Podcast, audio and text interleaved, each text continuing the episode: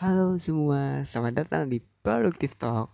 Gua Pradipta Farifansyah akan membawakan sebuah topik yang sangat apa ya menarik gitu loh untuk dibahas yaitu 168 apa sih maksudnya dan apa sih artinya? Tanpa lama-lama langsung saja kita dengarkan.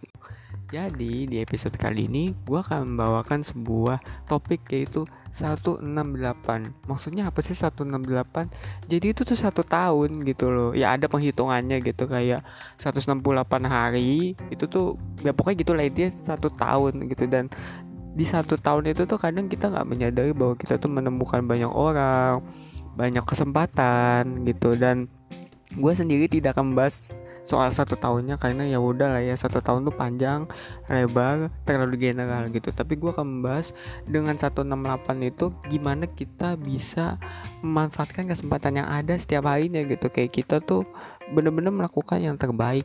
Jadi ya kata gue sih gini dalam satu tahun itu kan kita banyak ya banyak hari banyak waktu banyak bulan gitu. Jadi ya kenapa enggak kita lakuin yang terbaik aja gitu loh.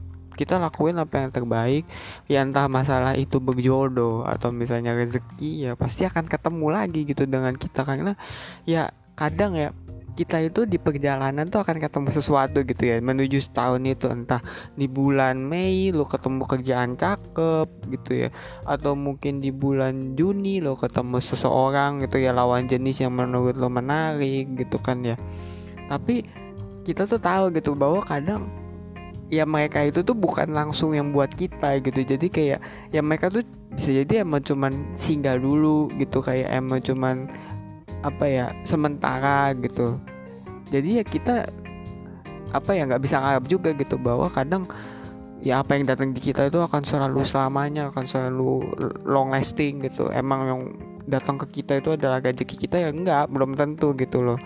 Jadi ya kita tetap dan sebenarnya utamakan ya untuk melakukan ya apa pun itu gitu loh sebaik mungkin. Bukan hanya untuk menjaga tapi juga agar kita itu bener-bener nih kalau misalnya suatu itu pergi kita tuh nggak nyesel gitu loh.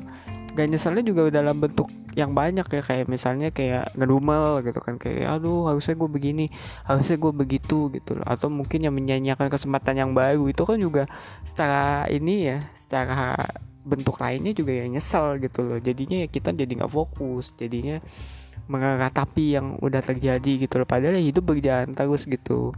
Dan kita nggak tahu di sepanjang hidup kita gitu ya.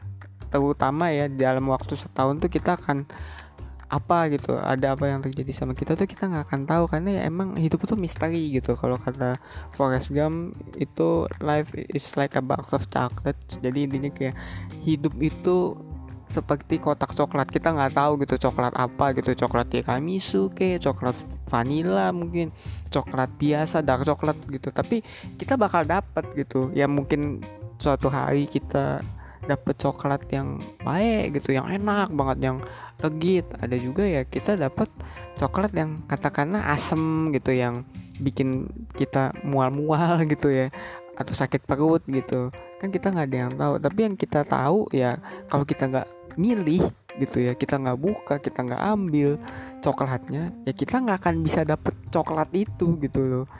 Dan jatuhnya ya sama gitu dalam 168 hari itu kalau lo nggak membuktikan ya sesuatu ya entah mungkin lo mau berusaha apa gitu ya entah mungkin lo mau bekerja apa gitu tergantung lah karena kan goal orang beda-beda ya. Mungkin ada yang mau jadi kaya mungkin ada yang mau jadi sukses mungkin ada yang mau jadi apa ya namanya fit in gitu kan ya dengan masyarakat gitu. Ya terserah lah gue nggak tahu goalnya apa gitu. Tapi dalam waktu setahun itu ya pasti banyak banget lah waktu untuk kita mencoba gitu loh. Dan juga kenapa gue mau bahas soal 168 hari itu? Karena juga kita tahu gitu dalam 168 hari ya bukan hanya kita harus berusaha yang terbaik tapi juga kita harus bersiap gitu loh bersiap dalam artian kita nggak tahu nih hidup tuh akan membawa kita ke mana gitu. Jadi juga jangan terlalu nyaman gitu kalau misalnya kita dapat pekerjaan yang baik kita dapat ya mohon maaf ya bukan mohon maaf tapi kayak dapat istri yang baik gitu kita dapat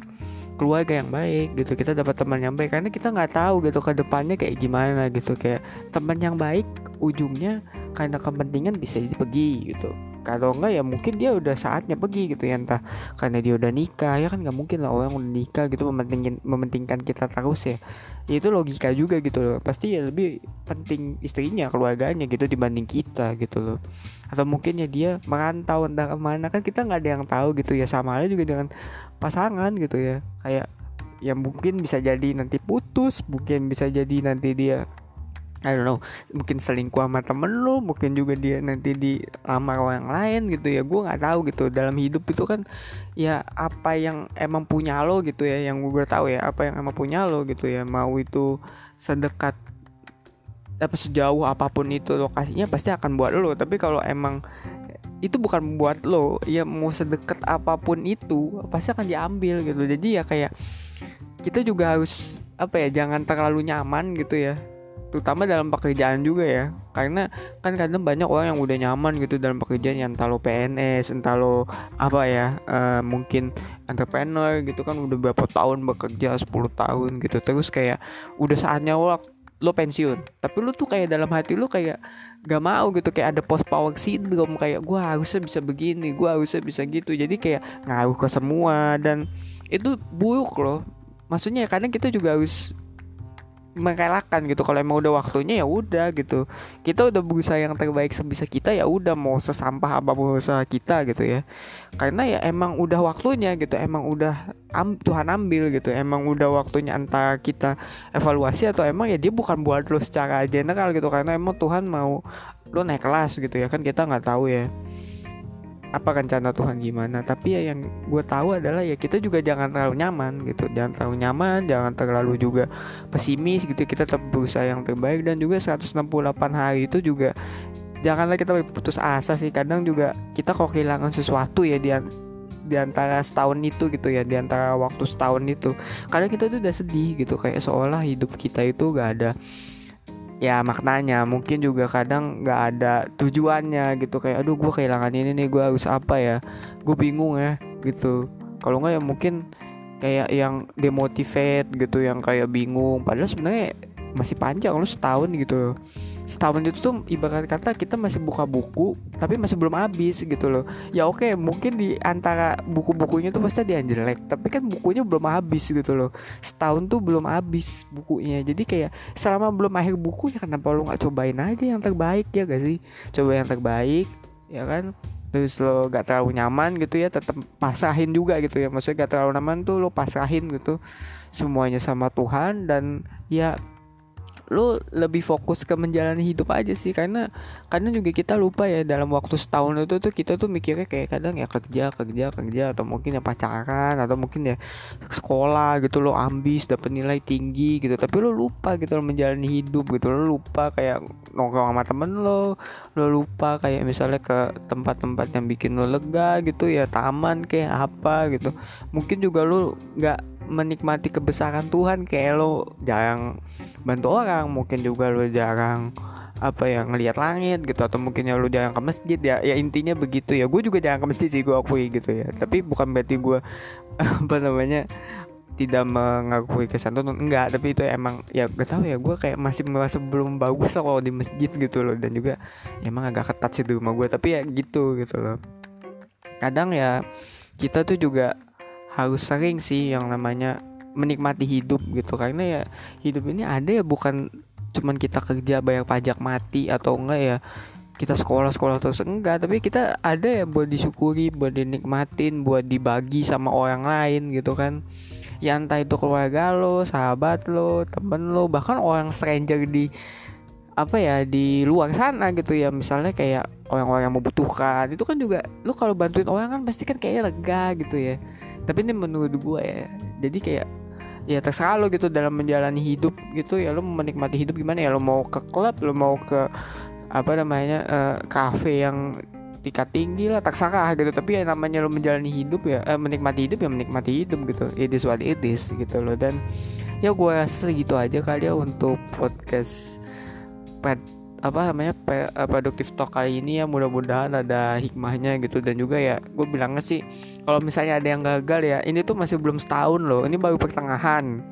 Baru pertengahan dan juga ya coba aja dulu coba aja terus gitu. Kita kan nggak tahu ya apa yang akan kita buka gitu apa yang akan kita dapat sama setahun itu ya. Mungkin lo apa nanti di akhir tahun dapat kerjaan dapat kekayaan mungkin sebelum nyampe akhir tahun atau mungkin ya lu dapet jodoh gitu kan atau mungkin ya lu dapet pendidikan yang bagus gitu atau mungkin ya lu dapet beasiswa ke luar negeri atau mungkin ya banyak lah banyak gitu kebaikan gitu yang kita belum tahu arahnya ke mana gitu. Jadi ya coba dulu jangan terlalu ngarep sama apa yang ada gitu ya. Karena yang ada tuh belum tentu stay gitu. Itu itu itu fakta kehidupan gitu yang ada sama kita tuh belum tentu memang milik kita gitu loh. Dan juga apa ya enjoy hidup sih. Enjoy hidup dan juga sering-sering ngeliat ke apa yang kita punya gitu. Karena bisa jadi ya emang apa yang kita punya itu diinginkan oleh semua orang gitu. Gue nggak tahu ya mungkin di antara sekian banyak orang di luar sana mungkin ada yang pengen jadi kayak gue gitu yang enak ya podcast dapat duit gitu. Atau mungkin ya kayak ada orang di luar sana yang kayak enak ya uh, punya rumah gitu. Kan kita nggak ada yang tahu ya. Jadi ya kita apa ya uh, syukuri aja lah apa yang ada kayak kata Massive spot gue di traktir ya traktir.id saya swim boy swim terus juga follow ya di Spotify kalau kalian emang suka dengan produktif ala ala ini. Karena gue nggak tahu sih ini apa beneran produktif apa enggak ya. Ini menurut gue ya menurut gue gue bukan ahli. Dan juga kalau ada kritik dan saran bisa disampaikan di Instagram pribadi at Instagram pribadi Instagram podcast ini at PTBD Talk. Dan ya salam produktif